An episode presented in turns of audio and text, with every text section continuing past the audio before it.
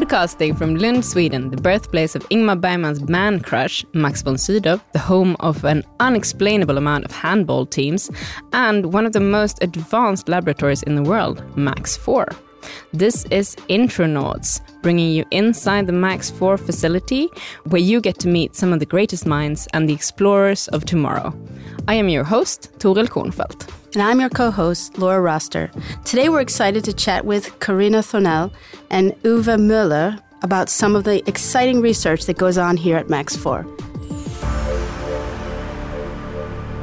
So, Karina, you are the project leader for Softimax Beamline and group manager for the imaging beamlines. What does that mean?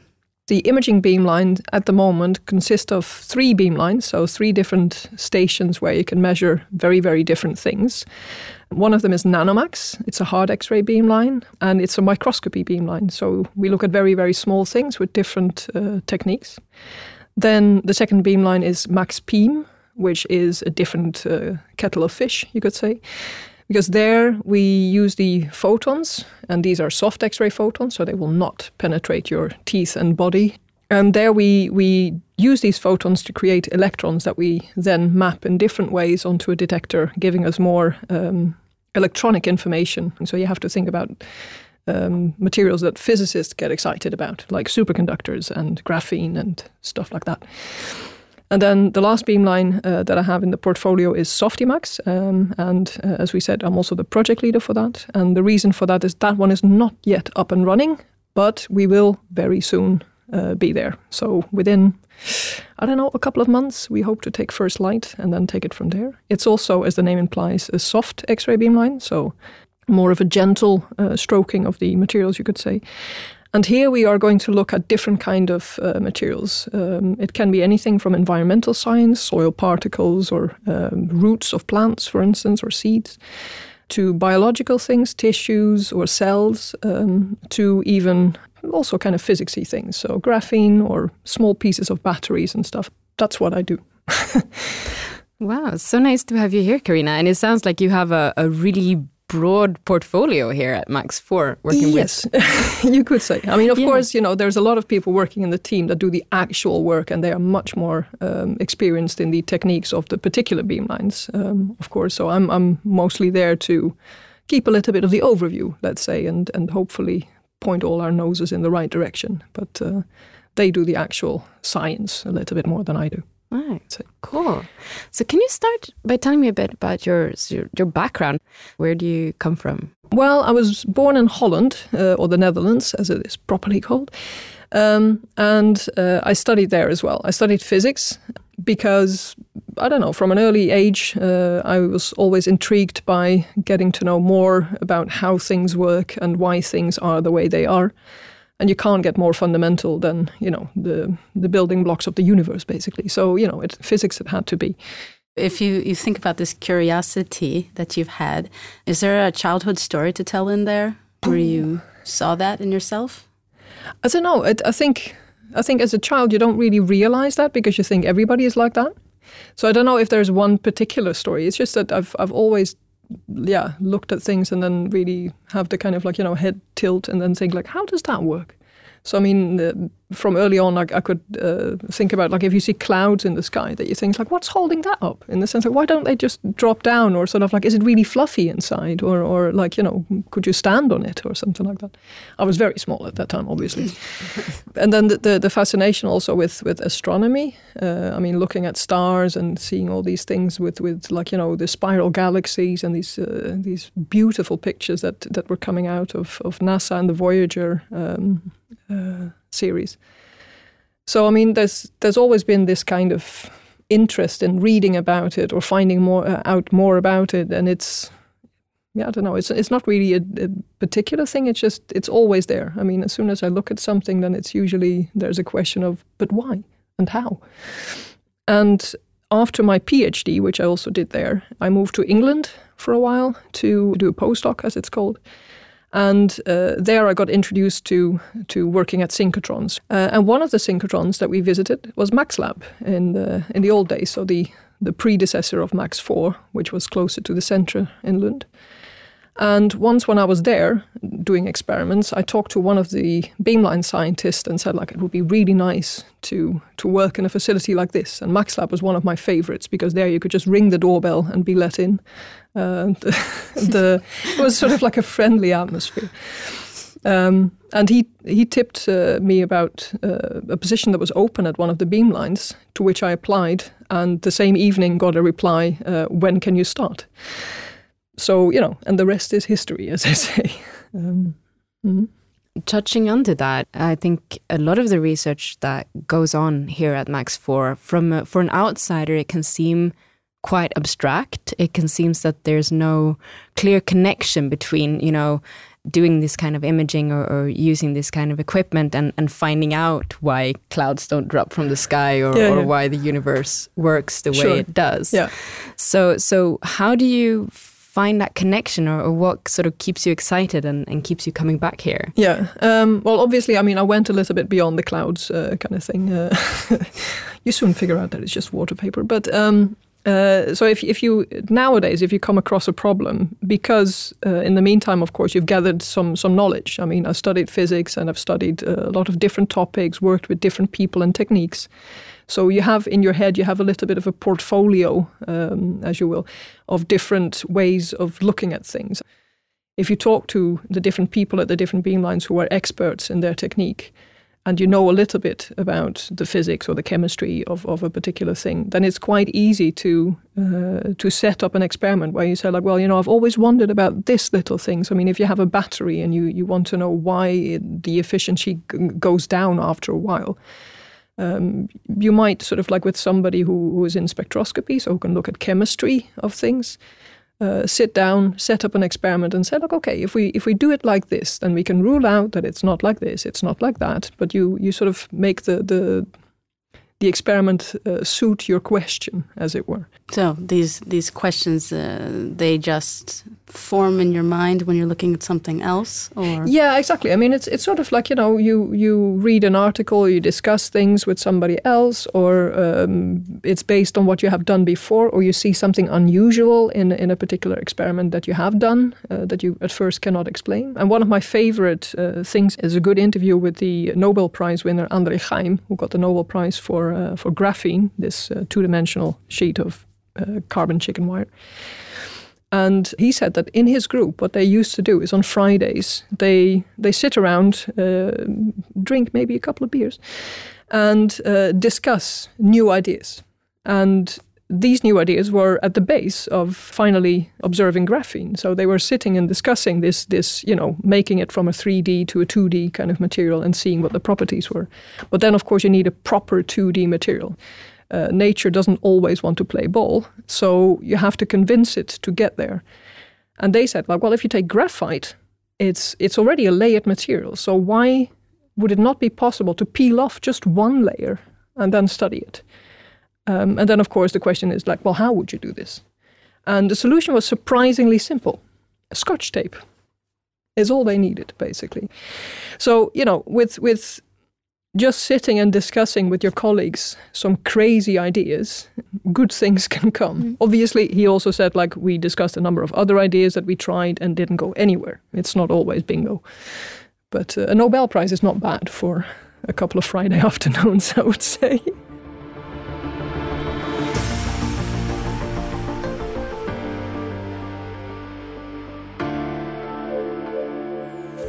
So you can come into science looking at it from this kind of curiosity way of just trying to understand how the world works and, and just looking at at the world and, and trying to understand it.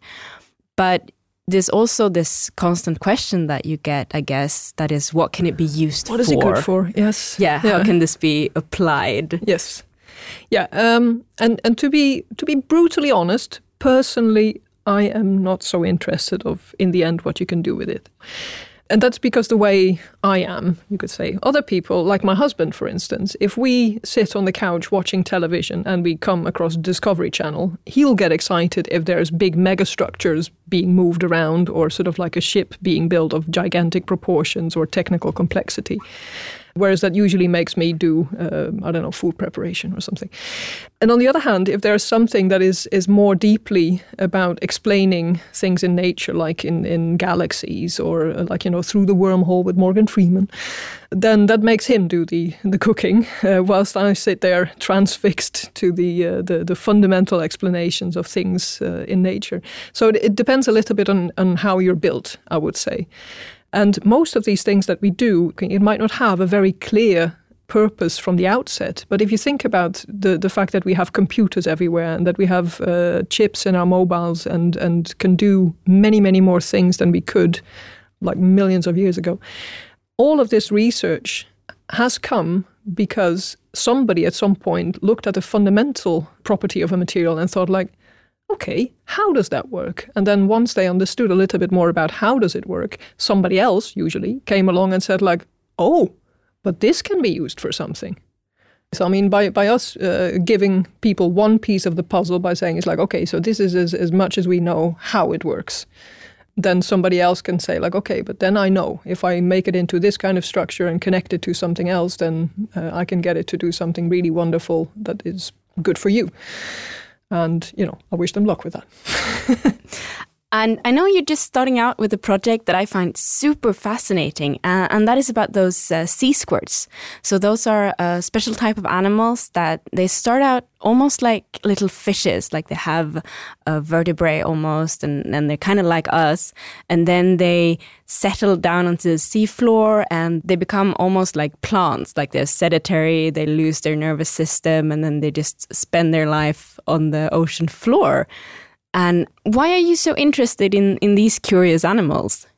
to say I'm working with that is really pushing the uh, the thing because I mean all that has happened was basically uh, one of these let's say Friday afternoon, although it was over coffee um, uh, chats. Because I was I was actually working on something else. I had been looking at, at data taken at at Nanomax, um, where you can see metals in a nano um, pattern on on the surface, different metals. And I looked at which metals are important in biology on Google just to see because I mean everybody knows there's iron in blood, there's uh, magnesium in in uh, uh, photosynthesis cells in plants, and you have calcium in your bones. But but what other metals are actually used uh, by biology? And then lo and behold, I I found that vanadium, uh, although we don't really need it as as humans, but vanadium is used by these sea squirts. And that got me a little bit intrigued because vanadium is, is like it's an odd element to use. And these sea squirts, they they concentrate the vanadium from the seawater. So in the seawater, it's it's maybe like you know you have milligrams or or uh, something per liter, whereas in their bodies they concentrate it a million times. So that got me thinking, like, what do they do with it then? Uh, it was discovered in 1911 or something like that, so uh, around about a century ago. And then since then, people have looked at it a little bit, but it's still not entirely sure what they use it for. So, you know, it only grows in curiosity. It's like, what are these animals doing with it? Because it, vanadium is, is, a, is a very nice uh, metal. It can, it can exist in different oxidation states. You can make a battery out of it. So, I mean, you can uh, completely out of vanadium containing compounds. No, normally you have like two, right? I mean, you have a copper zinc battery or something like that. So, the one side is, is copper, the other side is zinc with an electrolyte in between, and electrons flow hither and thither. But with the, the vanadium one, you can do it with only vanadium because it can do vanadium two plus, three plus, four plus, five plus. So you can you can have multiple uh, multiple states. So one of the things that I'm thinking at the moment is indeed that there is some sort of energy effect, so that they store it in a particular form, and then when they need the energy for whatever reason, they release and sort of like uh, switch an oxidation state to as to free up the electron and give the energy which is not solely my idea. I mean, it's not just that. that um, there's also some some research that points at that thing. So, looking at those fundamental questions about these animals, how can Max Four help you explore that? Here at Max Four, we have a couple of beamlines where this could be studied quite nicely.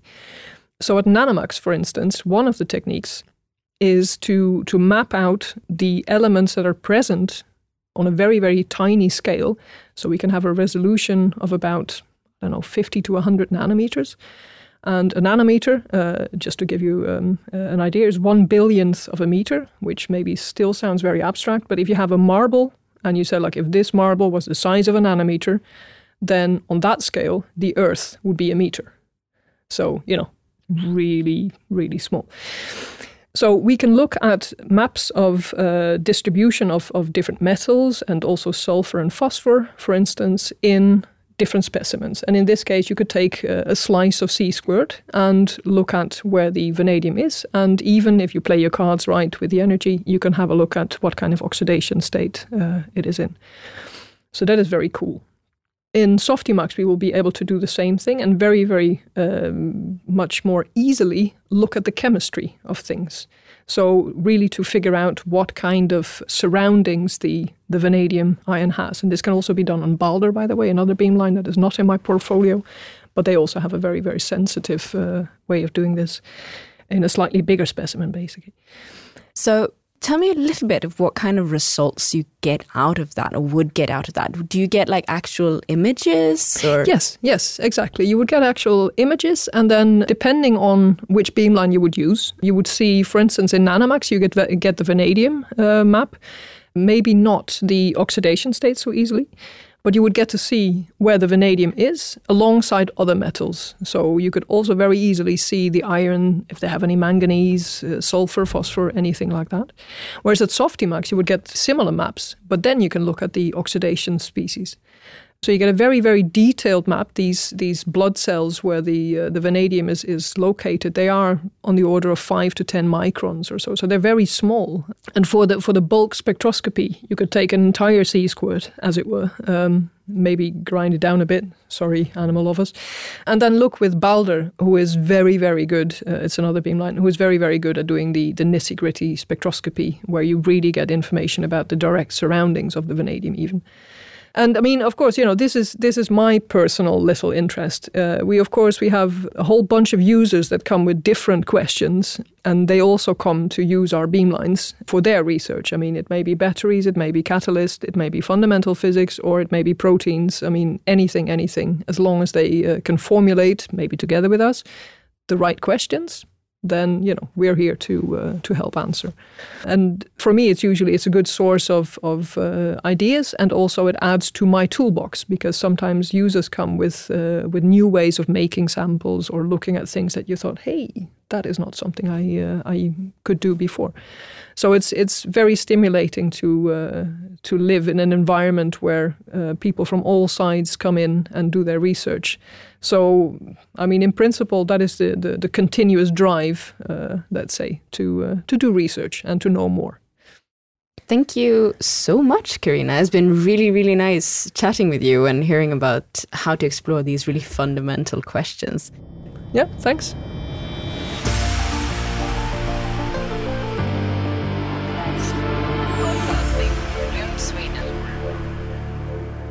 So, now we're joined by Uwe Müller. So nice to have you here. Thank you. You are the group manager for macromolecular X ray crystallography. So, what does that job entail? Yeah, I mean, you talked about more or less two jobs. One is to be the group manager, which means I take care as a line manager for the group of experts like scientists, engineers, which try to support and develop the macromolecular crystallography beamline uh, Biomax. In addition, I'm also a scientist and try to use these beamlines to support our users and try to do some own research activities at Max4. So you have some projects that are really looking into using Max4 to create things and, and to to make things. Can you tell me a bit more about that? Yes. We at Biomax are concentrating on very complex matter, namely uh, biomolecules, proteins, for instance. These are the molecules where all organisms are made of, and they determine everything the life, the reproduction, developments of all organisms. And we want to know the three dimensional shape of all these proteins because the shape is related to its function. And we want to know what are they doing, how they do that, and maybe even how one could influence this um, function. For instance, if you want to develop new drugs for fighting uh, diseases. And how do you look into those details? Like, what mm -hmm. exactly about the protein that yeah. we want to see? So we can see objects or atoms uh, in this in these molecules uh, which are extremely close to each other like uh, 0.1 nanometers, which is uh, 0.1 times to 10 to the minus 9 meter. And it's very hard to imagine how small that is, but we see single atoms with this microscope. How does looking at proteins and molecules at this really fundamental level, how does that translate into new medicines? We are using an approach which is called rational drug discovery, where we first try to understand uh, how the new medicine, uh, we call it drug molecules, are interacting with proteins, which we call target proteins. Those are molecules which we know are involved in diseases, and these small molecules are binding to these uh, target proteins and then for instance, prevent some functions. They block these proteins and then something cannot happen, which is then beneficial for healing this disease. And uh, this rational part in this is that we improve our molecules and then uh, do it again and again until we reach certain properties of these interactions. And in addition, we created recently a project at uh, Biomax, which we call Fragmax, and with this project, we can we are able to do the search for a potential drug molecule very efficiently. And here we have an uh, we call it library of small molecules, these so-called fragments. And we throw all these molecules on our protein molecule. And uh, you have to imagine this is like millions of little drones which uh, fly over this protein in a very short period of time, like five minutes. And uh, if they find something where they, for instance, can bind, then we can observe this event. And from there, we can then design new fragments, let them grow a little bit, let them become bigger or more specific, and then we do the test again and with the hope that the interaction, for instance, is then enhanced. And and the binding is sort of when the medicine works or when yes. something happens in the body. Exactly. So the only if we have a stable binding of our medicine, then this has an influence on uh, on the organism. Yeah. So it's kind of it's almost like you're playing Tetris with with molecules and trying to move them around in different ways and reshape them so that they fit together better. Yes. And with Max 4, which is currently the most intense X ray light source from this technology point of view in the world, we can do it very efficiently. So, for instance, we can test, say, 200 of these fragments during one working day against a protein and get a lot of structure information. Yeah. So, when you're investigating um, with this, this microscope and the different beamlines, would you say that you produce an image? Can we see this, or is it something different? Yeah, uh, at the end of our investigation, we have an uh, so called three dimensional map of the electron density distribution in our sample uh, is not a single protein molecule, but a so called protein crystal. So we build up a three dimensional object out of our molecules, which is a crystal. And uh, within this object, we can then see all the atoms, how they are arranged to each other, and how our little fragment molecules are binding to this uh, protein. And this is then an image which we can, for instance, visualize on a computer. We can turn it, we can fly through this molecule, we can manipulate that uh, whatever we want, and uh, look at this uh, as scientists and try to understand how the um, interaction uh, is made of. And um, yeah. So all of these different uh, tests of seeing how mole biological molecules interact with each other, are there any specific diseases where you have seen results or that you're looking into right now? Uh, this is actually a, a, task mainly for our users, especially the pharmaceutical uh, companies. So, all Swedish pharmaceutical companies are coming to Max4 to do these investigations at our beamline, and they don't tell us what they are doing. So, I, the answer is yes, we do work on this uh, task uh, every week, but I cannot tell you what these uh, diseases are they are working on because they don't share this very secret information uh, with us. So, thinking about all these these amazing questions and these things that we can tackle at Max Four, what would you say the hope for the future research in, in life science will be, or the big ideas? Yeah, I mean, life science plays a huge and uh, growing uh, role at uh, at such a facility uh, like Max Four, and the dream here is to have experiments and environments where we can see directly into living organisms.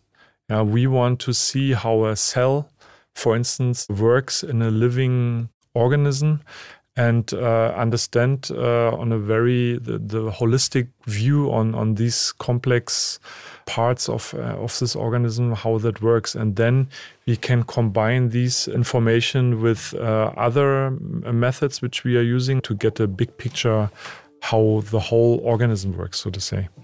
This is a dream uh, and it's not easy obviously.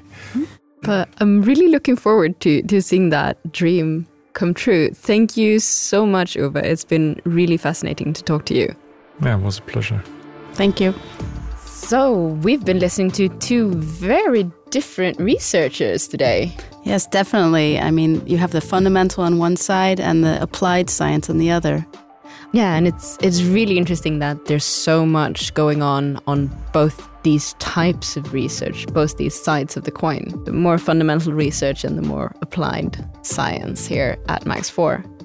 Yes, and there are examples now, but even even more I'm looking forward to hearing. Thanks a million for listening to Intronauts with me, Torill Kornfeldt, and Laura Raster. If you like the show, please leave us a nice review on iTunes. And don't forget to tune in for our next episode when we visit a beamline and talk to scientist Nuna Priestla about her research on climate change.